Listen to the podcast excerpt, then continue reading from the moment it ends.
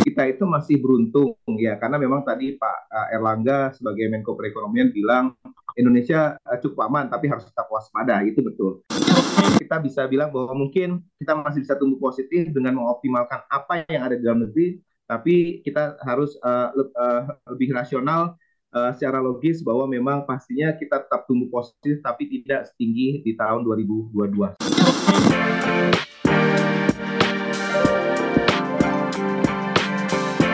Hai sahabat TCID, kalian sedang mendengarkan podcast Suara Akademia. Ngobrol seru isu terkini bareng akademisi. Menteri Keuangan Republik Indonesia sudah mengatakan bahwa di tengah situasi uh, ekonomi dunia yang sedang tidak menentu, banyak yang memperkirakan uh, Indonesia akan menjadi uh, negara yang cukup baik di tengah situasi ekonomi global di tahun 2023 yang dibilang gelap gitu. Bahkan Menteri Koordinator Bidang Perekonomian Bapak Erlangga Hartarto itu mengeluarkan statement banyak lembaga keuangan dunia memperkirakan pertumbuhan ekonomi Indonesia di tahun depan itu akan cukup baik. Nah, kita bakal coba ngobrol soal hal ini Sobat Isi ID karena banyak yang takut ya, apalagi konten-konten sosmed di TikTok, di Instagram itu banyak yang ngomongin soal resesi. So ya, yeah, kita bakal mengupas ini semua di Suara Akademia. Nama saya adalah Muammar Syarif, saya podcast produser dari The Conversation Indonesia dan untuk kali ini kita bakal ngobrol bareng sama Mas Fajar B. Hirawan dari CSIS. Halo Mas Fajar, apa kabar Mas? Kabar baik Mas Arif, semoga baik-baik juga Mas Arif. Baik-baik tapi agak takut soal konten sosmed nih. 2023 nih. Mas Fajar, mungkin kita pertanyaan pertama gitu ya, nge-response uh, there's a lot of content gitu, bahkan ancaman soal resesi global itu udah bikin masyarakat hmm. takut, masyarakat panik dan apa ya nggak tahu harus mau ngapain nih mas. Mungkin pertanyaan pertama kalau kita berbicara situasi global di tahun depan sektor mana aja sih perlu hati-hati nih mas? Karena kayaknya semua sektor jadi agak takut-takutan buat bergerak gitu mas Fajar. Iya uh, terima kasih mas Arief. Jadi pada dasarnya memang uh, ketakutan itu wajar uh, yang beredar di masyarakat. Apalagi akses informasi sekarang itu kan cukup uh, terbuka luas ya seperti itu. Dan menurut saya dari perspektif ekonomi harusnya memang perlu ada semacam pemahaman yang baik terlebih dahulu. Minimal kita tahu dulu bagaimana sih sebenarnya struktur ekonomi kita gitu, Mas Syarif. Eh, karena kalau kita bicara masalah ketakutan itu, ya ketakutan itu wajar. Karena hampir semua negara di dunia itu mengalami tekanan inflasi atau inflationary pressures ya. Bahkan IMF itu kan di bulan Oktober lalu juga mengeluarkan sebuah report atau laporan tentang how to counter inflationary pressures. Dan itu memang terjadi hampir seluruh negara seperti itu.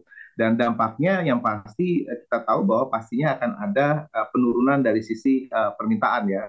Global demand itu pasti akan berubah. Nah, kalau ditanya sektor mana, mungkin kita sedikit merinci ya kalau kita bicara masalah pertumbuhan ekonomi atau struktur ekonomi kita dari sisi pengeluaran itu uh, kita tahu ada uh, dulu uh, kuliah itu atau uh, pengajaran apa pelajaran ekonomi itu ada Y sama dengan C plus I plus G plus NX ya. ya.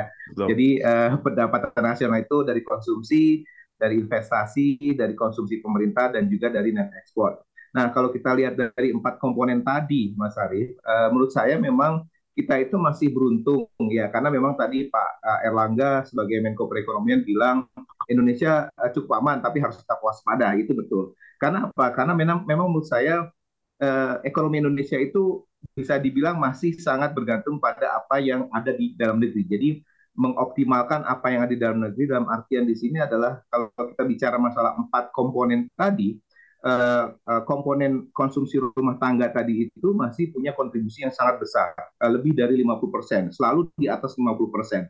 Sisanya ya tadi investasi, konsumsi pemerintah dan juga ekspor dan impor. Nah, menurut saya yang berbahaya apabila kita itu uh, sangat bergantung pada ekonomi atau uh, uh, ekonomi luar negeri. Seperti misalkan kalau kontribusi net ekspor kita itu uh, lebih besar, nah itu mungkin ada pengaruhnya. Karena kan kita bicara masalah global recession ini ya. Tapi kalau kita bicara masalah apa yang terjadi dalam negeri, menurut saya uh, asalkan kita bisa menjaga stabilitas pertumbuhan konsumsi rumah tangga dan juga terus mendorong investasi yang pastinya akan melemah. Karena pastinya Eh, investor-investor yang dari luar negeri itu juga kan pasti akan mengalami uh, apa ya pelambatan atau dampak akibat uh, resesi yang dikhawatirkan uh, terjadi tahun depan. Seperti itu masyarakat kira-kira ya. Artinya gini dong, Mas Fajar, mungkin kalau kita uh, ngelihat situasi ekonomi Indonesia sekarang, kenapa banyak apa ya lembaga keuangan internasional membuat apa bilang kalau misalnya Indonesia itu cukup kuat karena tingkat konsumsi dalam negeri kita sendiri sebenarnya dia masih mendominasi gitu ya untuk menopang Betul. perekonomian Indonesia gitu. Betul.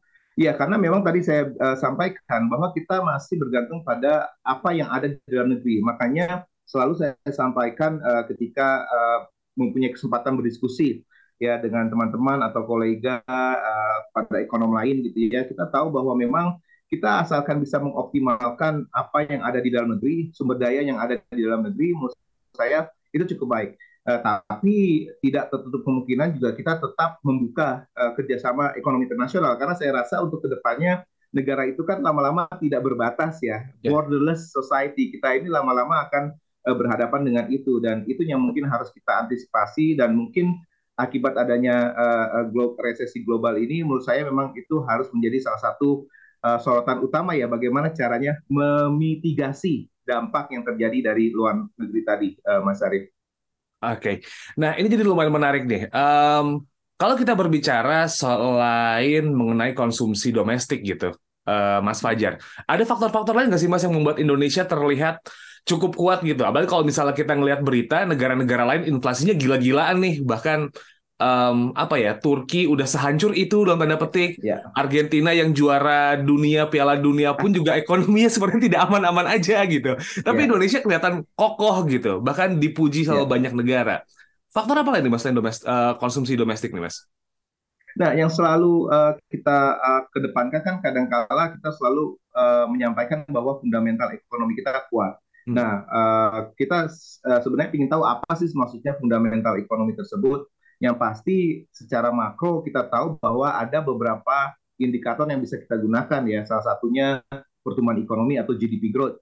Kemudian yang kedua bagaimana sih uh, uh, inflasi uh, tingkat inflasi di negara tersebut. Dan yang ketiga yang pasti terkait dengan masalah uh, ketenaga kerjaan, berapa besar pengangguran di sana.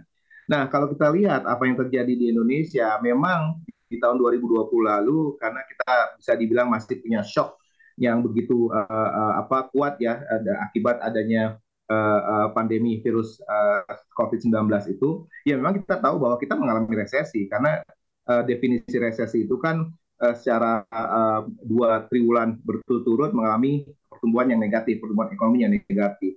Nah, tapi kalau kita lihat apa yang terjadi sejak saya rasa sejak 2021, menurut saya memang kita sudah on track ya dalam artian pertumbuhan ekonominya. Kita terus mengalami pertumbuhan ekonomi yang positif, tapi memang harus tetap waspada karena kita tahu bahwa di kuartal uh, di triwulan kedua kita sudah naik eh, 5% gitu ya, bahkan hampir mencapai 6% di uh, triwulan ketiga lalu. Ya, tapi saya rasa itu juga sesuatu yang harus kita waspadai karena apa? Karena memang dampak dari pelambatan tadi akibat adanya disrupsi rantai nilai global akibat adanya masih perang Rusia dan Ukraina yang mengganggu jalur logistik dan juga pastinya mengganggu uh, jalur uh, perdagangan internasional, menurut saya itu juga harus diwaspadai. Nah, lalu kedua terkait dengan inflasi, Mas Arief, itu yang mungkin menjadi salah satu hal yang bisa dibilang kita cukup baik ya dalam menjaga inflasi.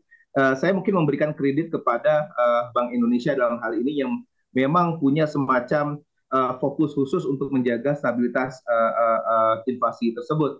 Nah, kalau kita bisa lihat, memang kalau kita bicara masalah uh, beberapa bulan belakangan ini, gitu ya, uh, akibat kenaikan harga BBM yang terjadi September lalu memang ada kenaikan.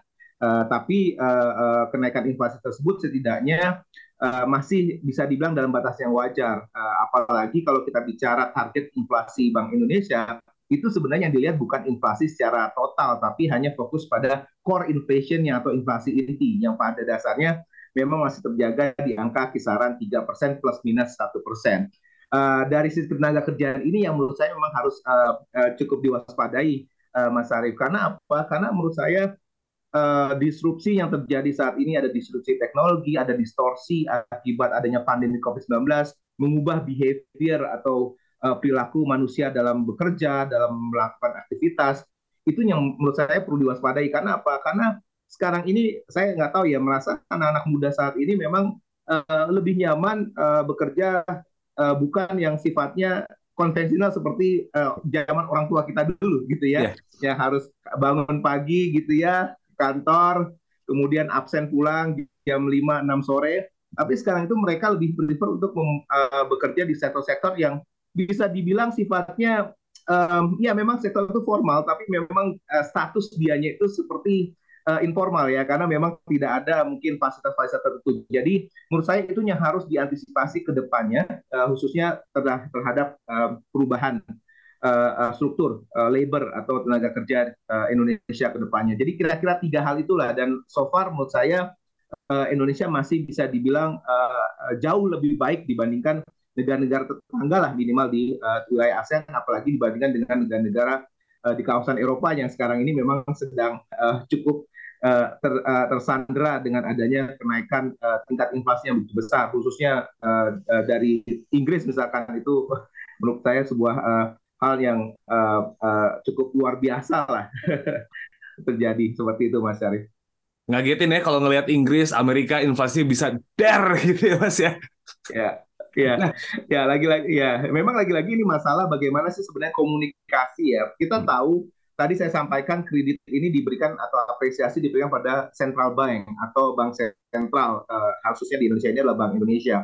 Tapi Bank Indonesia memang uh, kita tahu bahwa mereka punya independensi dalam uh, memformulasi kebijakan dalam menjalankan kebijakannya. Tapi menjalankan kebijakan tanpa ada komunikasi atau koordinasi dengan pemerintah, karena kan ini kita bicara masalah uh, sisi moneter yang hmm. diampu oleh uh, Bank Sentral atau Bank Indonesia dan sisi fiskal yang diampu oleh uh, pemerintah, khususnya di sini Kementerian Keuangan. Menurut saya kedua institusi ini memang uh, so far sangat baik ya dalam hal menjaga sinergi, khususnya berbicara masalah bauran kebijakan atau policy mix antara kebijakan fiskal dan kebijakan moneternya. Seperti itu, Mas uh, Syarif. Kombinasi dalam tanda petik uh, bank sentral dengan pemerintah membuat Indonesia jadi lebih aman gitu ya. Mungkin tahun depan di situasi yang masih tidak menentu dan banyak banget lembaga internasional yang juga bilang gitu pertumbuhan ekonomi Indonesia mungkin ada di angka 4,7 sampai dengan 5,1 persen gitu untuk tahun depan ya. gitu mas. Um, ya. Mungkin bisa kasih pendapat mas dari statement lembaga-lembaga keuangan internasional ini, is it uh, the right uh, apa ya the right projections atau mungkin sebenarnya mungkin ya. kita masih punya potensi yang lebih besar lagi atau mungkin gimana nih mas Fajar?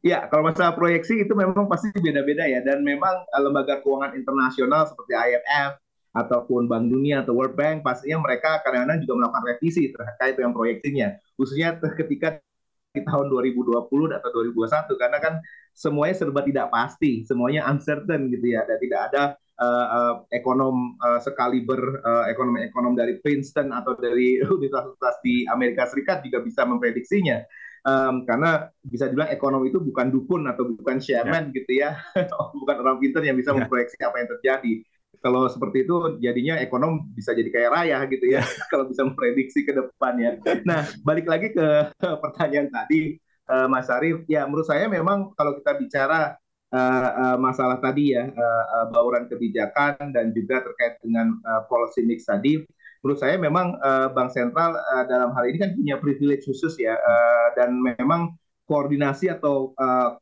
uh, sinergi dengan Kementerian Keuangan khususnya dari sisi pemerintah itu sangat diperlukan. Karena apa? Contoh kasus seperti apa yang terjadi baru-baru saja, saja ini gitu ya beberapa bulan belakangan ini, ketika akhirnya subsidi ada dicabut gitu ya sehingga harga pertalite dan juga harga uh, pertamax dan uh, uh, BBM lainnya itu meningkat. Itu kan dari sisi fiskal kan, karena yeah. subsidi di utak atik itu dari sisi fiskal dan itu adalah ranahnya pemerintah atau Kementerian Keuangan. Nah kemudian dari sisi bank sentral pastinya harus sudah antisipasi gitu kan dan mereka hanya bisa menggunakan uh, fasilitas atau uh, instrumen uh, uh, apa suku bunga seperti itu. Kalau misalnya suku bunganya ditingkatkan berarti kan untuk menjaga inflasi untuk meredam inflasi. Nah, uh, menurut saya apa yang terjadi saat ini uh, uh, sudah cukup baik ya uh, dan mudah-mudahan bisa terjaga ke depannya entah uh, kita bicara karena memang saat ini sudah uh, masuk tahun-tahun politik kadangkala memang uh, akhirnya semuanya serba irasional kalau kita hmm. bicara masalah kebijakan. Tapi uh, saya saya harap bahwa pemerintah masih bisa lebih konsisten dan juga central bank atau bank sentral harus lebih konsisten ya untuk menjaga uh, stabilitas ekonomi di Indonesia. Dan kalau kita bicara masalah proyeksi, saya rasa memang uh, kalau kita bicara uh, tahun depan pastinya akan melambat ya. Saya saya saya percaya bahwa Indonesia masih tetap tumbuh positif, tapi pastinya tidak setinggi uh, yang terjadi di triwulan kedua dan triwulan ketiga uh, secara year on year ya di tahun ini gitu ya. Jadi kalau misalnya dibilang tadi tahun ini kita bisa mungkin lima persen lima persenan, mungkin tahun depan kita bisa di kisaran yang tadi disebutkan oleh Mas Syarif gitu ya, mungkin empat setengah sampai lima persen. Nah, lagi-lagi proyeksi itu tergantung bagaimana caranya pemerintah bisa menjaga apa tren uh, pertumbuhan uh, khususnya tadi komoditas-komoditas uh, atau komponen-komponen yang saya sebutkan punya kontribusi yang cukup uh, signifikan ya. Uh, nanti kalau misalnya kita lihat uh, apa yang terjadi pada konsumsi rumah tangga kan kita tahu banyak sekali bantuan-bantuan sosial yang sudah di uh, apa sudah di uh, set untuk menjaga stabilitas daya beli dan juga menjaga uh, inflasi tadi. Jadi uh, proyeksi yang salah atau proyeksi yang keliru itu wajar terjadi, tapi menurut saya memang harusnya uh, pertumbuhan ekonomi Indonesia ke depan uh, di tahun 2023 dengan segala asumsi bahwa semua serba masih uncertain dan hmm. juga uh, bisa dibilang negara-negara mitra Indonesia yang utama khususnya dari sisi perdagangan itu kan Amerika Serikat dan China ya. juga mengalami uh, uh, krisis gitu ya. Jadi uh, kita bisa bilang bahwa mungkin kita masih bisa tumbuh positif dengan mengoptimalkan apa yang ada di dalam negeri, tapi kita harus uh, le uh, lebih rasional uh, secara logis bahwa memang pastinya kita tetap tumbuh positif tapi tidak setinggi di tahun 2022. Seperti itu sih Mas Syarif. Ini jadi menarik nih Mas, karena kalau kita berbicara soal strategi uh, ekonomi, ini kan uh, di tahun yang serba nggak jelas, strategi butuh yang agile ya, butuh yang bisa Betul. adaptif gitu. Itu yang pertama. Betul. Tapi kita juga menghadapi situasi yang kalau bisa dilihat tadi eh, dan juga di uh, apa ya diambil dari omongan Mas Fajar adalah ini tahun politik kadang-kadang suka ajaib nih kan yeah. suka kayak gitu. Nah kira-kira di tengah dua situasi yang sepertinya agak-agak susah juga buat membuat kebijakan yang bagus gitu ya karena tahun politik kebijakan yang um, harus ngelihat situasi sekitar juga kira-kira nih Mas Fajar strategi apa yang bisa diambil gitu untuk bisa menjaga tren Indonesia yang 2022 ini buat banyak orang quite good gitu untuk pertumbuhan ekonomi nih mas. Strategi apa yang kira-kira bijak buat diambil nih? Iya, ini saya bicara mungkin dari perspektifnya kalau as if saya itu adalah uh, pemangku kebijakan gitu ya. Ah. Karena kan bisa dibilang kan uh, kita hanya bisa memberikan semacam suggestion atau ya, policy betul. recommendation pada mereka. Yang pasti menurut saya memang uh, di tahun politik nanti ya di 2023 maupun 2024 nanti menurut saya memang akan tersedikit terdistraksi ya. Apalagi kita tahu bahwa Eh, pos-pos kementerian yang strategis itu juga diisi oleh bisa dibilang quote unquote adalah ketua umum partai atau politisi gitu ya.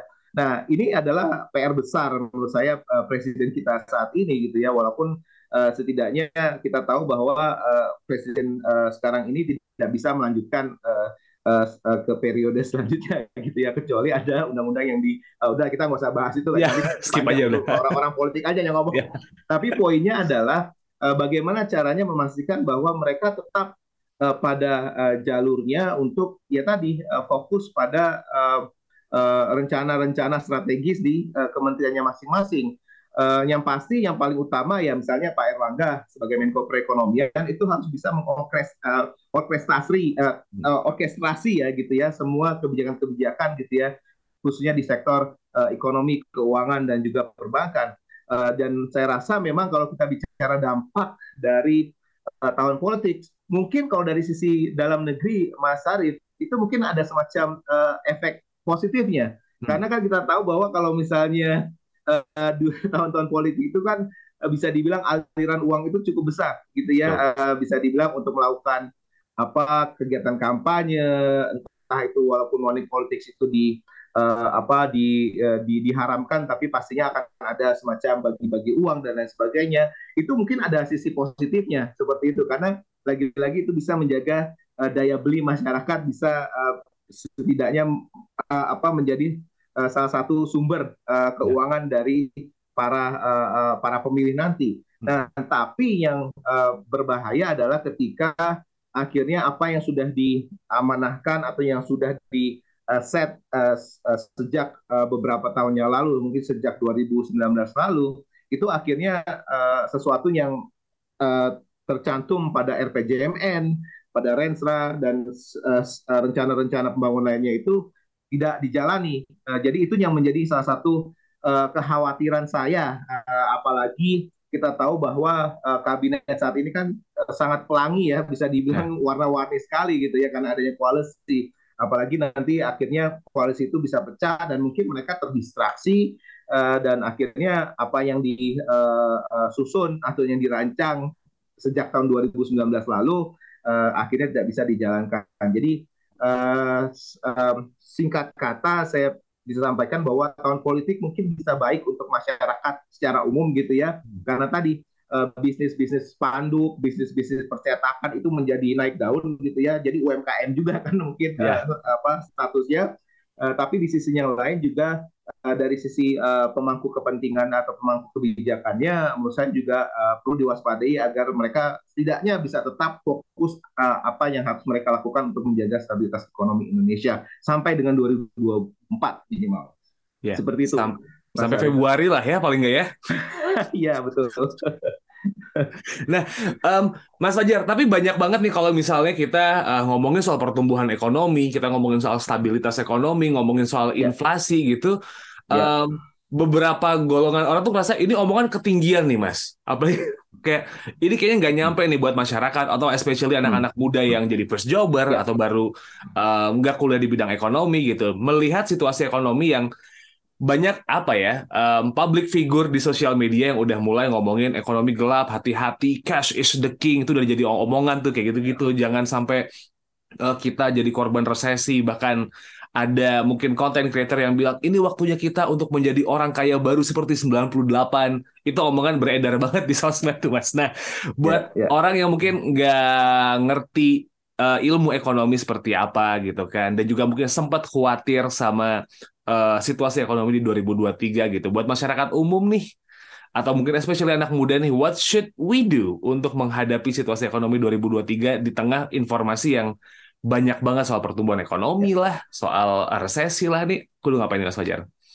Ya, yang pasti kita jangan sampai terjebak uh, ter, uh, uh, apa terhadap informasi yang bisa dibilang tidak benar ya. Uh, jadi memang perlu ada semacam uh, check and recheck gitu ya. Apalagi kalau kita bicara masalah data-data yang disebutkan atau uh, indikator-indikator yang disebutkan oleh Mas Syarif tadi ya terkait dengan pertumbuhan ekonomi, inflasi dan lain sebagainya, itu gampang kok itu tinggal di Google aja dan uh, hampir semua uh, apa platform atau website itu khususnya website yang resmi bahkan uh, seperti Badan Pusat Statistik atau Bank Indonesia itu uh, uh, punya datanya gitu ya. Minimal mereka harus cross check. Nah, tapi lagi-lagi tadi Mas Syarif bilang ya, kalau misalnya uh, mereka apatis uh, atau semacam skeptis terkait dengan ini atau bukan tidak bukan orang yang memang paham ekonomi atau melek ekonomi uh, dari sisi indikatornya. Ya lagi-lagi menurut saya memang uh, mungkin patokannya adalah uh, mencari informasi dari jalur-jalur uh, uh, yang benar. Ya menurut saya memang kalau kita bicara masalah uh, uh, misalnya terkait dengan